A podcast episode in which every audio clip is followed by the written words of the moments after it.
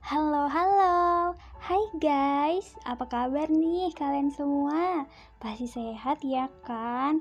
Ya dong, seenggaknya jawaban kayak gitu sih yang Mimin harapin dari kalian semua. Anyways, semoga Mimin gak telat nih ya. Untuk kalian semua, Happy New Year!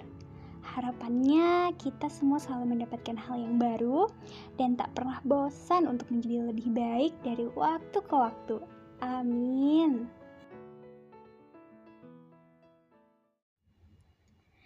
Ngomong-ngomong soal tahun baru 2022 nih, gimana sih perasaan kalian di awal tahun ini? Masihkah baik-baik aja? Atau ada juga nih yang menyimpan lara dan hanya berpura-pura bahagia? Ah, kenapa mesti berpura-pura sih? Hmm, bagi kalian yang saat ini sedang merasa tidak baik-baik saja, Come on guys, bangkitlah dari perasaan tidak baik-baik saja.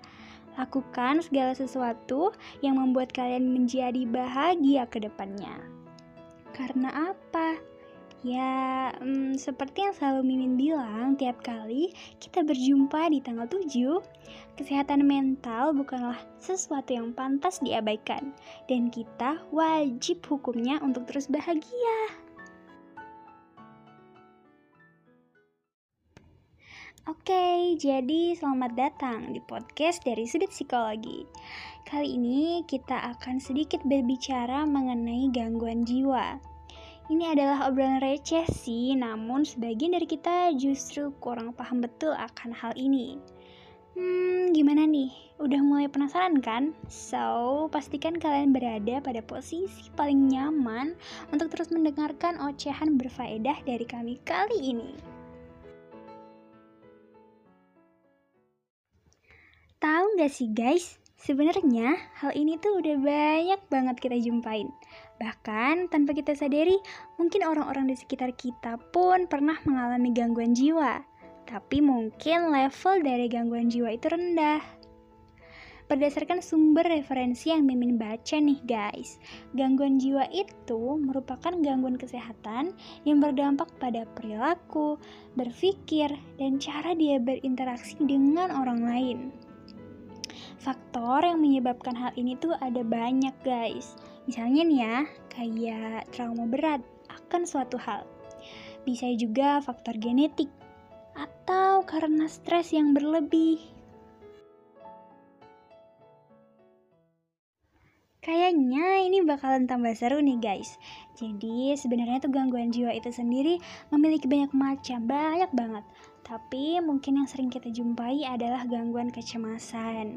Gangguan kecemasan itu adalah gangguan kejiwaan yang membuat penderitanya merasa cemas dan gelisah, serta sulit mengendalikan perasaan tersebut.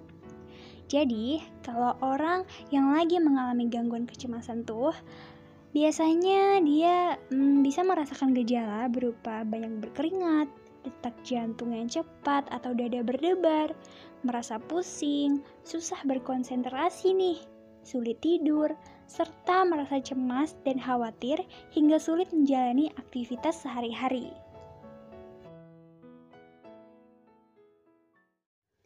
Selain itu, ada yang namanya gangguan mood. Siapa sih yang gak pernah oleng moodnya? Kalau gitu, apakah kita semua termasuk orang dengan gangguan jiwa? Hmm, mungkin saja iya. Tapi untuk gangguan kejiwaan yang dimaksud di sini adalah jika perubahan mood tersebut parah, yaitu perubahan mood yang terjadi sewaktu-waktu. Adapun faktor pencetusnya, misalnya stres, kelelahan, atau tekanan batin. Orang yang menderita gangguan suasana hati bisa mengalami perubahan mood atau suasana hatinya sangat ekstrim dan dalam kurun waktu yang cepat. Misalnya, dari mood yang stabil, eh tiba-tiba sedih. Lalu saat dia sangat bahagia dan bersemangat, dalam waktu yang cepat, hmm, jadi marah-marah. Nah, yang begini biasanya disebut dengan depresi, gangguan bipolar, dan gangguan siklotimik.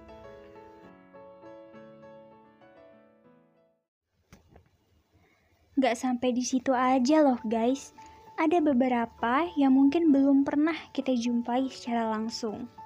Contohnya nih, ada schizophrenia, terus ada gangguan tidur, lalu gangguan kepribadian, dan juga gangguan psikotik.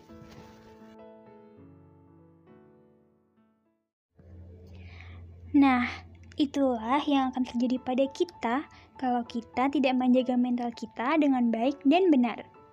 Sekedar saran aja sih, guys. Misal, kalian merasa capek dengan suatu hal atau benci terhadap suatu hal, usahakan kalian mencurahkan beberapa kebencian itu ya.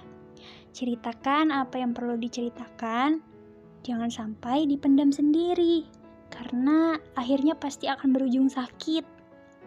Kalian harus menjaga jiwa kalian tetap sehat, dan kalian harus, harus, harus banget bahagia.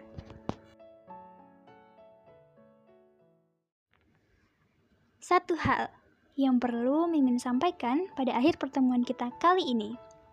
Tetaplah menjadi insan yang sehat, jiwa, dan raga. Juga kita harus lebih sering membuka mata dan menajamkan telinga kita untuk semua orang yang ingin bercerita. Karena sedikit banyak dari kita pastilah saling membutuhkan. Oke? Okay? Oke, okay, sampai di sini aja dulu pertemuan kita pada minggu kali ini. Sampai jumpa di dari sudut psikologi selanjutnya. Thank you, bye bye.